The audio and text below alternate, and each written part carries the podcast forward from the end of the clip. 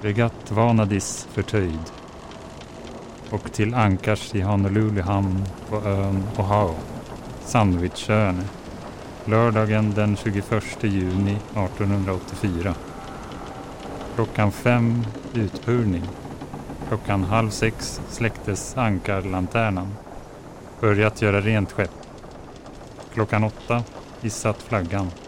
Fyra tum vatten över läns. Avslutat rengöringen. Klockan 10.30 pumpat läns från fyra tum över läns. Klockan 12 läns. Klockan halv ett hissat gösen. Klockan tre allt ned flagg och gös på halv stång i anledning av begravning från pansarfregatten Zwiftsjö. Besättningen klippt och rakat sig. Klockan 3.45 hissat flagga och gös i topp. Klockan fyra, via vakten erhållet landpermission. Läns. Klockan sex förändrades arresten för två klass sjöman av Ölands andra kompani, nummer 67 våg, från ljus till mörk. Kommet ombord genom upphandling 202 skålpund rotsaker. Vid solnedgång halt ned flagg och gös. Tänt ankarlanternan.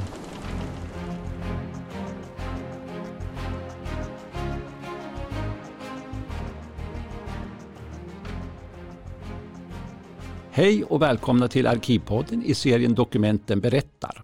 Jag heter Jim Hedlund och som vanligt så sänder vi från vår arkivstudio här i Östersund. Men ni, idag har vi besök, eller vi har henne på länk förresten, Malin Joakimsson. Hon är arkivarie vid Riksarkivet i Täby i Stockholm. Malin, vi hälsar dig nu hjärtligt välkommen. Tack så jättemycket, det är roligt att vara med. Ja, det är så kul att du är här. Hörru du Malin, vad jag har förstått så brinner du för svenska skepp. Ja, så kanske man kan uttrycka sig. Jag tycker att det här med fartyg och båtar är spännande av flera orsaker. Det ger en jättebra bild av den allmänna teknikutvecklingen. Och det är intressant det här med många personer som ska samsas på en liten yta. Man behöver samarbeta och disciplin är nödvändigt, men det är nästan oundvikligt med konflikter. Och sen är ju de här ritningarna, inte minst, rena konstverken. Mm. Och när du säger det så här, när du la fram det så här, så förstår jag ju direkt att det här är ju ett väldigt spännande ämne, även för en landkrampa som mig. Liksom. Den här inledningen vi hörde nu, den är väl hämtad från en loggbok? va? Ja, men det stämmer. Det är en loggbok från fregatten Vanadis.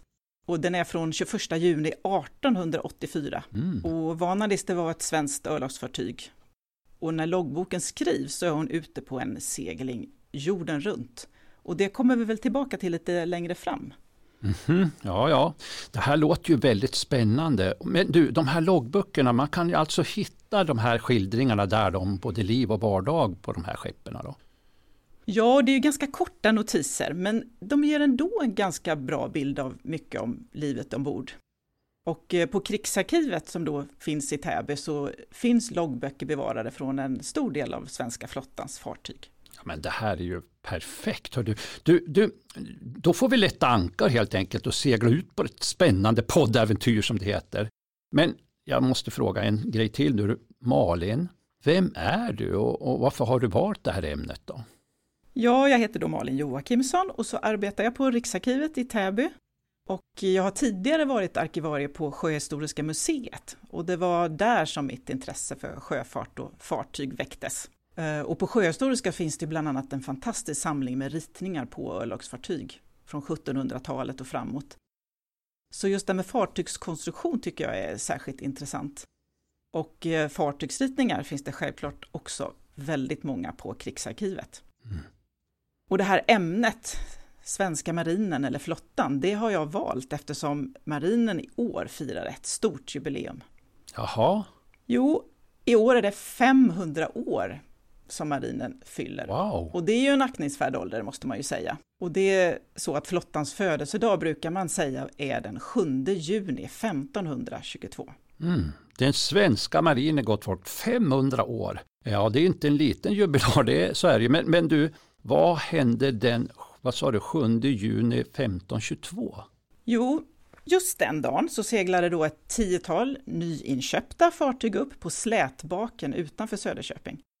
Och den svenska marinen har i år firat det här med evenemang i många svenska städer och hamnar, också i Lübeck. Man har tagit fram ett historiskt bokverk, jubileumsfilmer och inte minst en nykomponerad jubileumsmarsch med titeln Vår marin. Mm. Och för att uppmärksamma det här jubileet då, så gjorde vi i Täby en mindre utställning här i våras med några nedslag i svenska flottans långa historia. Eftersom krigsarkivet finns här i Täby och då finns ju också flottans arkiv här. Och då lyfte vi fram några enskilda fartyg som fick representera flottans utveckling genom historien. Och en del av det vi tog upp i utställningen tänkte jag att vi kunde prata om här idag. Mm. Ja men du, då, då vill jag höra mer vet du här. Eh, som sagt, kasta loss, vi, vi lättar lite ankar här nu va? Ja, jag kanske bara börja måste säga att det finns ju naturligtvis massor med saker ur flottans långa historia som vi inte alls kommer hinna prata om. Nej, så är det ju och det är ju ganska förståeligt. Men äh, än en gång, förklara för en landkrabba fartyg till slätbaken och varför firar man i Lübeck då? Ja, det som brukar då ses som flottans födelse, det är när Gustav Vasa köpte, eller snarare lånade, ett tiotal fartyg från just Lübeck. Och de här fartygen anlände till slätbaken utanför Söderköping 7 juni 1522. Och ända sedan man började skriva då flottans historia i slutet av 1700-talet har man tyckt att det här var ju en naturlig start på svenska örlogsflottan. Mm -hmm, ja, ja. Man kan ju alltid diskutera det här med att sätta ett exakt datum. Det hade ju från svensk sida använts fartyg i försvarssyfte tidigare, men det är kanske ändå rimligt att sätta födelsen till just det här året, för det blir liksom startskottet på ett mycket mer organiserat sjöförsvar. Även om det nog inte var så självklart vid själva tidpunkten att så var fallet. Det var ju inte direkt någon som stod på land och tänkte att nu föds den svenska flottan. Nej, nej det är förstås du. Men du, Gustav Vasa då, varför ville han ha fartyg? Ja, Gustav Vasa är ju vid den här tiden inte ens vald vid kung. Det blir han först året därpå. Och han har då fullt upp att försöka hindra den danske kungen att återta makten i Sverige. Och Gustav Vasa inser att för att hålla danska kungens trupper stången så behöver han fartyg. Och danskarna, de hade varit mycket snabbare med det här. De hade byggt upp en eh, örlogsflotta redan tidigare, hade ett stort antal fartyg till sitt förfogande. Och då kunde man ju kontrollera städer och man kunde kontrollera handeln till sjöss. Mm. Ja, det har man ju sett i historien hur de far omkring och rövar på Gotland. Ja. ja, den viktigaste handlingen var egentligen kanske inte att möta fienden i stora sjöslag då, utan att skydda infarten till Stockholm och andra viktiga städer och kontrollera handeln och då ekonomin. Mm. Och då, alltså, då började Gustav Vasa alltså köpa skeppen då. Men vad hände sen? Ja, flera av de här skeppen gick ganska snart förlorade, de behövde ersättas. Och det är inte helt lätt att få en klar bild över vilka fartyg som fanns till förfogande under de här första åren. Källorna är inte helt tydliga. Men eh, vi vet att ett av de mer kända fartygen han köpte från Lübeck, som kallades Lybska Svan, det betyder då alltså svanen från Lübeck, mm. det sjönk redan 1524. Oj då! Så att det behövde ju ersättas, så Gustav mm. Vasa han köpte och hyrde fler skepp och sen beslutade han att det skulle sättas igång en inhemsk produktion av örlogsfartyg. Mm. Och då behövdes det ny kompetens som inte fanns i Sverige. Man fick ta från utlandet då skeppsbyggare, skeppstimmermän från flera olika länder. Och det här blev också stora skulder till Lübeck som ju också lånat ut vapen och utrustning. Men eh, Gustav Vasas trassliga ekonomi ska vi kanske inte gå in på för då kommer vi aldrig tillbaka till flottan. Nej, det är klart, den var ju som den var, det blir nog bäst så. Ja, som vi struntar i det här med ekonomin så började man bygga egna fartyg i Sverige och Stockholm blir då centrum för flottans administration och för skeppsbyggandet. Och tio år efter de första köpen, alltså 1532, så sjösattes Stora Kravelen i Stockholm. Det var det dittills största skeppet som byggts i Sverige. Och sen var det inte självklart att det var de största fartygen man bäst behövde. Många mindre fartyg kunde vara effektivare om man ville kontrollera sjöfarten kring kusterna, så alla fartyg var inte alls så imponerande till storleken.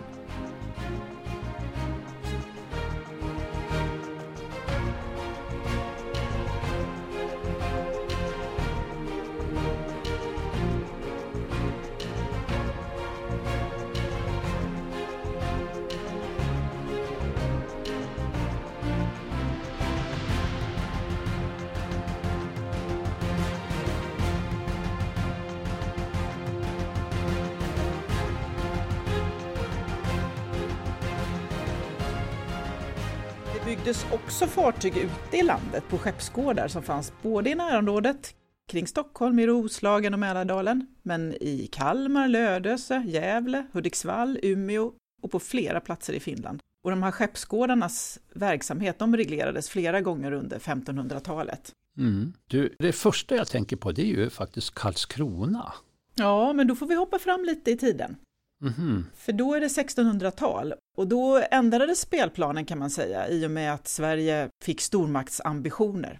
Och det var ibland ett problem då att Stockholm och flottan låg så långt bort från kontinenten. Om man snabbt ville skicka fartyg till södra Östersjöområdet så tog det tid. På våren kunde isen ligga kvar längre upp i Stockholmstrakten. Så då började man fundera på att bygga en örlogsbas längre söderut. Och efter en del planerande så beslutar man, eller snarare kanske då Karl XI, att det är några skyddade öar i Blekinge skärgård som skulle passa bra. Så 1680 så får en helt ny stad privilegiebrev av kungen. En stad som efter honom då får namnet Karlskrona. Mm. Karl XIs krona. Ja, så kan man säga. Och det finns ett brev här som min kollega Ingrid har tagit fram som beskriver hur Karlskrona ska se ut. Varder staden så anlagd att all den bekvämlighet flottan behöver, såsom docka, bråbänkar och värf, repbana och mastkran etc. Allt kommer in vid flottans hamn inom stadsvallarna och hela staden så fördelat med stora platser och gator att fiendens eldkastande icke förstör effekt göra skall. Ja, en viktig sak, det var ju att det här området är omgivet av skärgård med endast en led in för större skepp, så därför tänkte man att flottan skulle vara trygg. Mm. Och så sätter man igång en enorm byggnadsverksamhet. Bonden Vittus Andersson, han ägde den här marken, men tvingades sälja den. Och varken han eller den här övriga bondebefolkningen i omgivningarna kan ju riktigt ha trott sina ögon. Från ingenting byggs en med den här tidens mått svensk storstad upp. Och hundra år senare så är Karlskrona rikets tredje stad. Oj. Och det är massor med människor som flyttar hit och staden fylls med varvsarbetare och sjömän. Och det byggs kaserner och repslägarbanor och skeppsdockor och så vidare. Och det ena fartyget efter det andra tar form på slipbädden. Mm. Du, det, det, är en grej, Karlskrona, det ligger ju i Blekinge. Ja, och den danska kungen var väl inte så glad över det här. För när Karlskrona grundades så hade ju Blekinge inte varit svenskt alls så länge, bara sedan 1658. Mm. Och det var kanske inte heller så populärt hos befolkningen, att den svenska kungen bestämt att hans nya flottbas skulle byggas just här. Men hur som helst, Karlskrona utvecklades snabbt. Men sen i början av 1700-talet så saktade arbetet och skeppsbyggandet ner. Mm, ja, varför då? Ja, det har ju med att göra att Sverige efter Karl XIIs död och stora nordiska krigets slut i princip var bankrutt. Man hade inte särskilt mycket pengar att lägga på vare sig flotta eller armé eller mycket annat för den delen heller. Så nu blev det sparlåga kan man säga. Mm. Men eh, det här skulle ändras under andra hälften av 1700-talet. Och om man vill hårdra det ganska så mycket så beror det på två personer.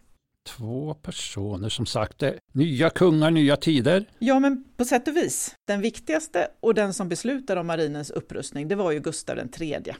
Han blev kung 1771 och året därpå efter en statskupp så blir han mer eller mindre enväldig. Och Gustav III, han hade ju många ambitioner för Sverige, på det kulturella området till exempel, men han ville ju återupprätta Sverige som militär stormakt. Och för att kunna genomföra det behövde han ju en slagkraftig flotta. Och många av de fartyg man nu hade var i dåligt skick och tekniken och stridstaktiken hade ju utvecklats. Så det behövdes en rejäl upprustning och då var det turligt ur Gustav IIIs perspektiv då att precis den rätte mannen för att genomföra kungens storstilade planer fanns till hands. Den rätte mannen, vem var det då? Jo, han som skulle bli viktig för kungens planer, det var en man som hette Fredrik Henrik Chapman, så småningom adlad af Chapman. Du kanske känner igen det namnet, Jim? Ja, ja, det är klart jag tror jag. Är det, är det han som har fått gett det här namnet till det där, vad säger man, flytande vandrarhemmet i Stockholm, det här av Chapman? Jag har ju sovit där ett par gånger, jag faktiskt. Ja, men du är såklart helt rätt. Är man en legend så är man. Mm. Och i Krigsarkivets samlingar så finns många av hans originalritningar. Många av de här är förresten digitaliserade, så man kan gå in på marinens ritningar i digitala forskarsalen och titta på dem. Bra. Och där finns allt från små jollar till de största linjeskeppen och varje ritning är som ett litet konstverk. Och idag är troligen hans mest kända konstruktion roddslupen Vasaorden som används vid högtidliga tillfällen som kungliga bröllop och viktiga statsbesök. Du känner säkert igen den. Mm.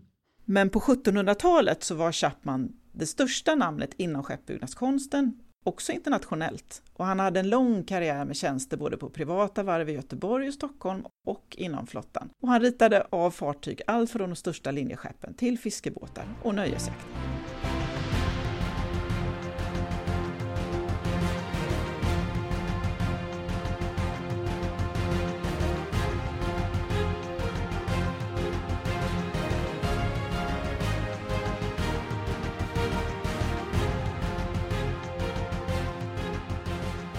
Man brukar säga att det var Chapman som gjorde skeppsbyggeriet från hantverk till vetenskap. För han hade studerat matematik och skeppsbyggeri utomlands i flera år, så han hade både teoretisk och praktisk kunskap. Mm. Och 1768 så gav han ut ett planschverk med ritningar över olika fartyg. Architectura Navalis Mercatoria var den latinska titeln. Och den innehöll 62 kopparstick med fartygsritningar. Många han hade sett på sina utlandsresor, men också sånt som han konstruerade själv. Och sen följde han upp det här 1776 med Traktat om skeppsbyggeriet. Då utvecklade han de här teorierna kring skeppsbyggeri. Bland annat utvecklade han något som kallades parabelmetoden och det skulle användas i skeppsbyggeri ganska lång tid framåt. Och den här traktaten den användes som standardverk vid utbildning i skeppsbyggeri i flera länder. Mm. Af Chapman, han verkar ju ha varit en, en superstjärna i, i den här tiden ju. Ja, men på sätt och vis var han ju det. Och det här planschverket, arkitekturen, den används faktiskt än idag av en grupp, nämligen modellbyggare. Oj! För vill man bygga en modell av ett 1700-talsfartyg, och nu pratar jag inte om att man går in i en butik och köper en plastmodell och limmar ihop, utan de som bygger från grunden med riktiga ritningar och gör allt själva, då är Chapman fortfarande det stora namnet. Och det sitter modellbyggare i Portugal och USA och resten av världen och använder hans ritningar. Det här är ju fantastiskt Malin. Ja, det är ganska roligt tycker jag.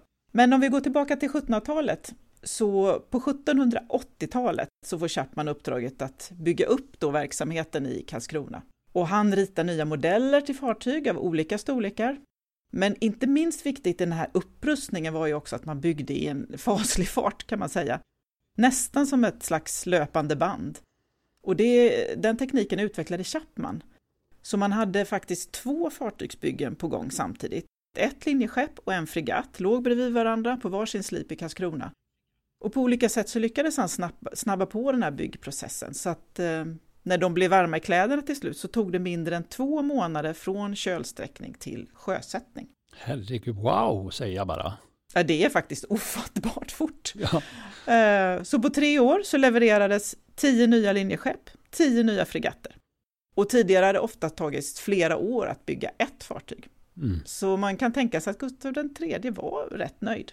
Däremot kan man tänka sig att varvsarbetarna kanske inte alltid var lika nöjda och Chapman sägs ha varit en hård arbetsledare. Och det förstår man ju med det här tempot. Men om man tittar på ritningarna då till hans linjeskepp så kan man se att Gustav III också var med och skrivit sitt namn på dem. Och det var så att det var regenten som skulle signera ritningarna, approbera som det står, alltså godkänns. Så om jag tittar på ritningen till linjeskeppet Vasa så står det så här. Mm. Approberas med en fots tillökning i längden och allt det övriga i samma proportioner. Gripsholms slott den 10 oktober 1777. Gustav. Mm. Malin, Malin, jag måste stanna lite band det här. Det är så mycket ord för mig och det kanske är, för, ja jag är ju en lantkrabba Malin, det är ju bara så. Du sa någonting, sjösättning fattar jag, men kölsträckning, vad, vad, vad är det? Ja, det är ju det första man gör då, att man lägger ut kölen. Det är ju liksom ryggraden i ett fartygsskrov. Man lägger ut den och sen fortsätter man att bygga på med spant och resten av skrovet till fartyget. Så det är första steget. Jaha, ja det, det är alltså grunden kan man väl säga, som ett hus. Ja, men absolut. Och, och, och, snart nu då kunde ju alltså Gustav III spänna sina muskler och få sitt krig mot Ryssland alltså. Vi kanske inte ska gå in på detaljerna i det här kriget, förutom att det var ju kungen som verkligen ville ha krig och provocerade fram det kan man ju säga. Och kriget mot Ryssland pågick från 1788 till 1790 I slutet av det här kriget så utspelades också ett av de mest namnkunniga sjöslagen i svensk historia, Svensksund, 9 till 10 juli 1790, som mm. slutar med en svensk seger. Jajamän. Och efter det här slaget vid Svensksund så blev det fredsförhandlingar men man kan ju inte säga att det ledde till några större förändringar mot hur det såg ut innan kriget. Ja, ett krig som, eh, ja, som vanligt så kostar ju krig pengar och mycket andra resurser också såklart och givetvis människoliv. Men eh, den svenska marinen verkar ju ha avslutat det här med flaggan i topp, eller? Det måste man väl ändå säga? Ja, men det såg som en stor framgång för svenska flottan, även om man då egentligen inte hade vunnit något konkret på själva kriget. Och om vi ska återgå lite till själva skeppen, så har de ju alla sin historia att berätta och vissa av de här förliste eller brann efter bara några år, men en del blev mer långlivade. Och det där linjeskeppet Vasa som jag läste om på ritningen, det byggdes 1778 och det var med i flera drabbningar under Gustav IIIs ryska krig bland annat vid Viborgska gatloppet som var en annan väldigt viktig händelse under det här kriget. Ja, Malin, nu, nu pratar vi alltså inte om regalskeppet Vasa. Det, det sjönk väl efter att ha bara seglat 1300 meter vad jag förstår? Nej, det var ju ett helt annat skepp med en annan historia och ett annat århundrade. Chapmans Vasa, det hade andra kvaliteter och hon överlevde det här så kallade gatloppet. Mm. Och där var det så att det var en stor del av den svenska flottan som var instängd långt in i Finska viken, utanför Viborg då. Och det var ryska fartyg som spärrade vägen. Och det var hundratals fartyg i olika storlekar med runt 30 000 man ombord som alltså satt fast där. Oj, oj, oj. Och om ryssarna då hade lyckats förstöra eller erövra den här flottan så hade det ju faktiskt varit en katastrof för Sverige. Mm. Men den svenska högsjöflottan lyckades segla förbi i princip framför näsan på ryssarna. Hör du, det här var väl en blandning av både tur och skicklighet, eller? Ja, men det är nog ganska nära sanningen. För vinden vände och det var ju ren naturen för svenskarna. Och sen var ryssarna lite sena på bollen och eh, de största förlusterna de orsakades faktiskt av svenskarna själva friendly fire som man säger. Man tände av misstag på sina egna fartyg. Va? Jaha, ja. Ja, det här är ju oturligt. Men i arkivet här finns ju en karta som ritades efteråt och den visar hela det här händelseförloppet. Mm -hmm. Och titeln på den här kartan, lite lång, är Plan över Kungliga Svenska örlogsflottans läge och utgång från Viborgs yttre rädd tillika med Kungliga Skärgårdsflottan samt kejserliga ryska flottans läge och embossering 1790. Och den här kartan och flera liknande finns i en serie i krigsarkivet som kallas för Sveriges krig, kriget mot Ryssland 1788 och 1790. Mm. Och det är ju lite svårt att beskriva det här med ord då, då, men på kartan så ser man då naturligtvis land och små öar och så massor med fartyg som små prickar. Och de svenska fartygen är blå och de ryska är röda. Och så står det med små, små bokstäver namnet på alla större fartyg. Och det är ett myller av prickar. Och det beror delvis på att det är samma fartyg som finns med flera gånger för att man ser då på kartan hela skeendet, hur samma fartyg förflyttar sig allt eftersom dagen framskrider. Det här är ju så jätteintressant. Kan man som besökare komma och få se på de här då? Ja, först och främst så är den här kartan och flera av de här andra digitaliserade, så man kan gå in och titta på Riksarkivet i digitala forskarsalen under mm. militära kartor och ritningar.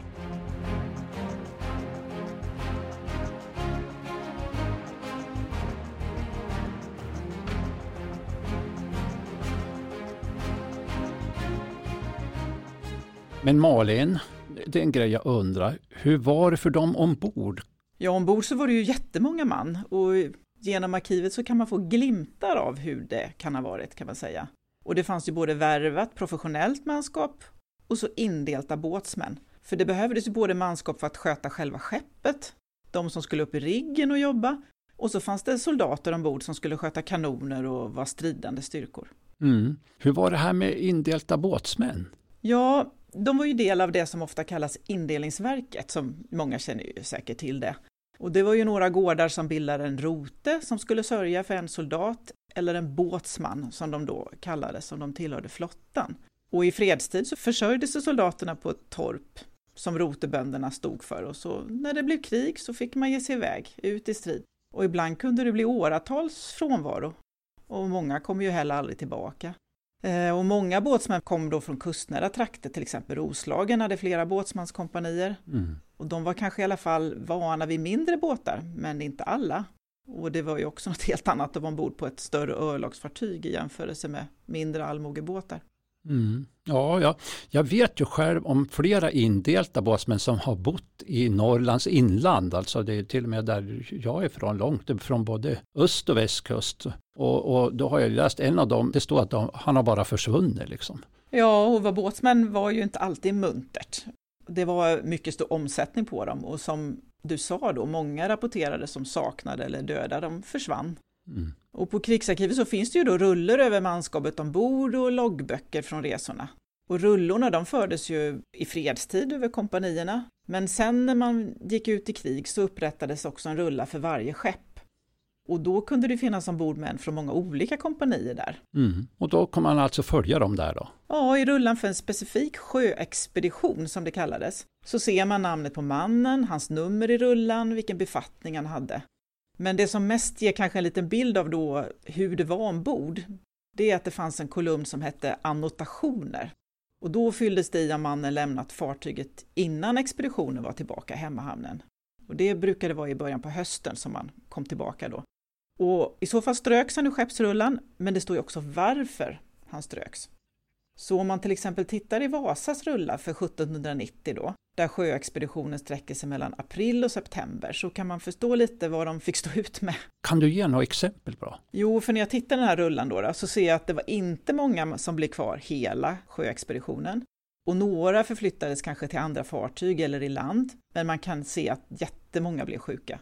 Och då står det tyvärr inte av vad, men det kan man ju tänka sig många olika smittsamma sjukdomar till exempel. Mm. Och sen var det ju sådana som blev sårade eller dog i strid. Men i just Vasas rullar så är det inte så många. Och av de som var sjuka var det faktiskt inte heller så många som dog ombord, utan det framgår då att man skickade i land dem för att få vård. Mm. Så här har jag en rulla då från serien Sjöexpeditioner, mönsterrullor för Vasa 1790. Och här kan man se en sida med värvat manskap. Och på den här sidan 50 så ser man att det finns 10 man uppräknade i rullan. Och av de här 10 så blir under den här seglingssäsongen åtta man sjuka. Oj. Och exempelvis kan man läsa här nummer 356, han hette Anders Sjögren. Han har fått anmärkningen avpoliterad, sjuk till Helsingfors sjukhus den 17 september med kost för och med dagen. Du, hur gick det för dem då? Ja, hur många som överlevde då, det framgår ju inte av den här rullan. Men för en av männen på just denna sidan har man faktiskt skrivit till sedermera död. Mm. Och det här med farsot ombord, det kunde ju få fasansfulla konsekvenser när smittan sprids då snabbt i trånga utrymmen. Och i början av kriget så erövrade svenskarna ett ryskt fartyg där den besättningen var sjuk. Och de smittade de svenska sjömännen och när flottan återvände till Karlskrona så förde de sjukdomen med sig till stan. Och då dog alltså flera tusen människor, även civila, på grund av den här sjukdomen som kom från Ryssland från början. Ja, ja, det förstår man ju. Det är ju nej, äckligt. Ja, det är ju förfärligt, det är det ju verkligen. Men eh, här hittar jag en annan intressant sak. I samma då expeditionsrulla så finns det män med från Drottningens livregemente. Och här så hittar vi ett helt rymmargäng. Inte mindre än 22 stycken av lite över 100 man som kom från det här regementet så står det samma sak i anmärkningen. Rymd vid vattenhämtningen den 13 juni. Men det, det är ju liksom var femte man. Ja visst. Och att enstaka män rymmer då och då, det är ju inte ovanligt. Det ser man på många andra ställen i rullan, men det här måste ju varit något speciellt. Och vi får inte veta något alls om omständigheterna. Men det sätter ju igång fantasin det här att det är så många som rymmer vid samma tillfälle. Vad kan det ha varit för utlösande faktor och vad hände med dem sen? Och tyvärr så saknas Vasas loggbok för detta år, för annars hade man kanske kunnat hitta något mer där. Mm, ja du, det här är något att sätta tänderna i det Malin. Du får faktiskt forska lite mer om det här. Det, lyssnarna kräver det. Okej, okay, ja jag får väl fundera på saken. Mm. Men Malin, du, vad hände sen med skeppet Vasa? Ja, Vasa var en del av svenska flottan in på 1800-talet. Mm. Men sen såldes hon till Ostindiska kompaniet och gjorde faktiskt en resa till Kina som handelsfartyg. Den här resan den blev en ekonomisk förlust, så det blev inga fler resor och istället köpte flottan tillbaka Vasa från kompaniet. Och sen fick hon sin sista användning och det här är ganska vanligt öde för örlogsfartyg. Genom att hon 1836, då var hon ju till åren kan man säga, då boxerades hon ut och sänktes i Djupasund utanför Karlskrona. Nej. Jo, för här låg redan flera andra med flit sänkta svenska fartyg som skulle bilda en spärr för inloppet in. Mm. För det hade ändrats, när Karlskrona grundades så fanns det där bara en segelbar led in till stan. Men eh, det kom mer grundgående fartyg och så vidare, så man behövde spärra alternativa inlopp. Och i slutet av 1700-talet började man sänka fartyg här då i Djupasund och det sista blev sen då Vasa. Och eh, även som vrak så fick hon en funktion, men glömdes väl sen bort. Ja, jag tycker faktiskt det är väldigt sorgligt ändå. Ja. Ja, fast sen är det ju inte slutet på den här historien, för tidigare i år så har marinarkeologer från museet Vrak, det är en del av Statens maritima och transporthistoriska museer, de har dykt i Djupasund och de har lyckats identifiera flera av de här sänkta skeppen och däribland Vasa. Mhm. Ja, det här låter ju lite bättre. Tänk att ha det här som jobb och få dyka på gamla vrak. Men Malin, nu har vi ju pratat om flottan under 1700-talet med Chapman och Vasa i fokus. Och vad, vad kan man säga om liksom, flottan under nästa århundrade då? Ja, man kan ju säga att 1800-talet det blir ju helt annorlunda jämfört med 1700-talet. Och det är ju viktigaste då är ju att efter 1814 så har ju Sverige fred. Manskapet slipper ju sjöslag och ligga ute långa tider till havs med dålig proviant. Mm. Men Sverige hade ju då förlorat Finland och man förlorar sina sista besittningar i södra Östersjön så att hela det här geopolitiska läget är ju väldigt ändrat och då blev ju även flottans roll helt annorlunda. Och sen på det så kommer då industrialisering, demokratisering, samhället förändras ju jättemycket och det gäller ju också flottan som påverkas. Mm. Och det var jättemycket debatter om hur skulle Sveriges försvar organiseras. Och eh, eftersom det var fred så fick ju flottan inte heller så mycket resurser och det är väl en av anledningarna till att då flera av de här Chapmans skepp faktiskt användes långt in på 1800-talet. Mm. Men för den marinen som fanns kvar då, och det gäller ju även handelssjöfarten, så pågick ju en jättestor teknisk utveckling. Mm. Och då går man från fartyg i trä som drivs med segel, ibland åror, och vid sekelskiftet år 1900 så har man en flotta som består mest av ångfartyg med järnskrov. Och så ska man ju inte tala om då en mycket effektivare eldkraft. Men samtidigt som de här ändringarna då var jätteomvälvande så gick de på ett sätt ganska långsamt för att segelfartyg och ångfartyg användes parallellt under en stor del av 1800-talet och faktiskt även in på 1900-talet. Och i princip alla örlogsflottor har ju även idag då på 2000-talet segelfartyg som övningsfartyg. Och det är väl ett exempel på att flottan, de har alltid varit mån om sin historia och sina traditioner och ibland så håller man fast vid saker när den praktiska betydelsen faktiskt har försvunnit. Men det är ju lite fint att man slår vakt om kulturarvet ändå. Ja men absolut, det kan man verkligen säga. Men eh, under 1800-talet då, då så ersatte segelfartygen gradvis och man experimenterade mycket under en övergångsfas med olika hybrider. Och en sån hybrid var ångfregatten Vanadis som vi ju nämnde precis i början av det här avsnittet. Ja, Och fregatten Vanadis hon var nästan 20 meter längre än linjeskeppet Vasa, men hon hade träskrov, ungefär samma form, tre master med segel, precis som Vasa. Men det var en liten detalj som skilde sig.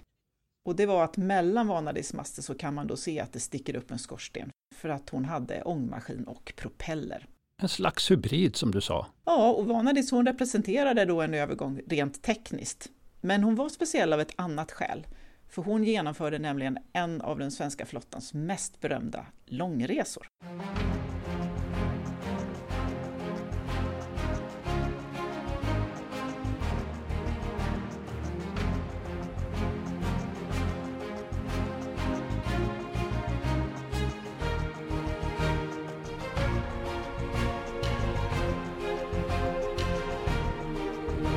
Långresor det har man ju använt i flottan som ett sätt för besättningen att öva sjömanskunskap och på att vara ute under längre perioder. Och det här är något som alla örlogsflottor håller på med. Och när man då ändå är ute och seglar så kan man utnyttja resan för andra syften. Att knyta diplomatiska kontakter eller göra vetenskapliga studier, sånt som har förekommit. Och på 1880-talet så ville man satsa på att öka Sveriges export till nya länder. Så i december 1883 så lämnar Vanadis Karlskrona för att bege sig över Atlanten mot amerikanska kontinenten för att sedan fortsätta varvet runt Sydamerika och Asien och tillbaka till Sverige. Och huvudsyftet med den här resan det var just det här att knyta handelspolitiska kontakter. Men på resan följde också ett antal vetenskapsmän som skulle samla in etnografiskt material och studera meteorologi och marinbiologi. Och så blev det ju övning för sjömännen såklart. Och sammanlagt fanns det omkring 340 man ombord och expeditionen tog 500 dagar, varav 300 tillbringades till sjöss. Och med så många man ombord som levde så här tätt ihop så var ju inte alla så intresserade av att stanna ombord. Så en hel del rymde sonika sin väg. Och med på den här resan fanns en sjöman som faktiskt lyckades rymma två gånger. Hur tror du han lyckades med det? Ja. Men eh, jag vet inte, den där historien, vi får nog ta den en annan gång för nu har vi pratat jättelänge. Jag har pratat jättelänge. Va? Malin? Jag blir direkt plågsamt nyfiken. Här. Du, du kan ju försäkra att lyssnarna också är det. Jaha, ja, men man ska sluta på topp säger man ju. Och eh, den som väntar på något gott väntar aldrig för länge. Men vi kanske kan fortsätta ett avsnitt till, eller? Men det är ju faktiskt grymt att göra så här och kära lyssnare, det är ju ändå grymt coolt att det också är marinen och att marinen fyller 500 år i år. Och Malin, du ska ha så mycket tack. Och det här var så jättespännande ämne så du måste få komma tillbaka igen. Ja, tack själv. Det var ju jätteroligt att få dela med mig av ett ämne som jag tycker är fascinerande. Mm. Är man intresserad av de här handlingarna och annat från flottan så finns de ju i Krigsarkivets samlingar i Riksarkivet i Täby. Men glöm inte bort att många av de här kartorna och ritningarna och rullorna, de är ju digitaliserade så man kan titta på dem hemifrån. Mm. Man går in i Riksarkivets digitala forskarsal och så kan man välja militaria under ämnesområden. För då får man jättemånga bra tips på vad man kan utforska. Jag säger det återigen, arkiven har de bästa källorna. Kom till arkiven. Och Malin, du är så välkommen återigen. Nu har vi ju faktiskt någonting att se fram emot. Det är ytterligare någon så här spännande podd och jag vill verkligen det. Så jag säger än en gång, tack Malin Joakimsson, du är så välkommen igen. Och tack alla ni som lyssnar och fortsätt följa oss. Det kommer snart fler intressanta poddar. Klart slut från Arkivstudion i Östersund.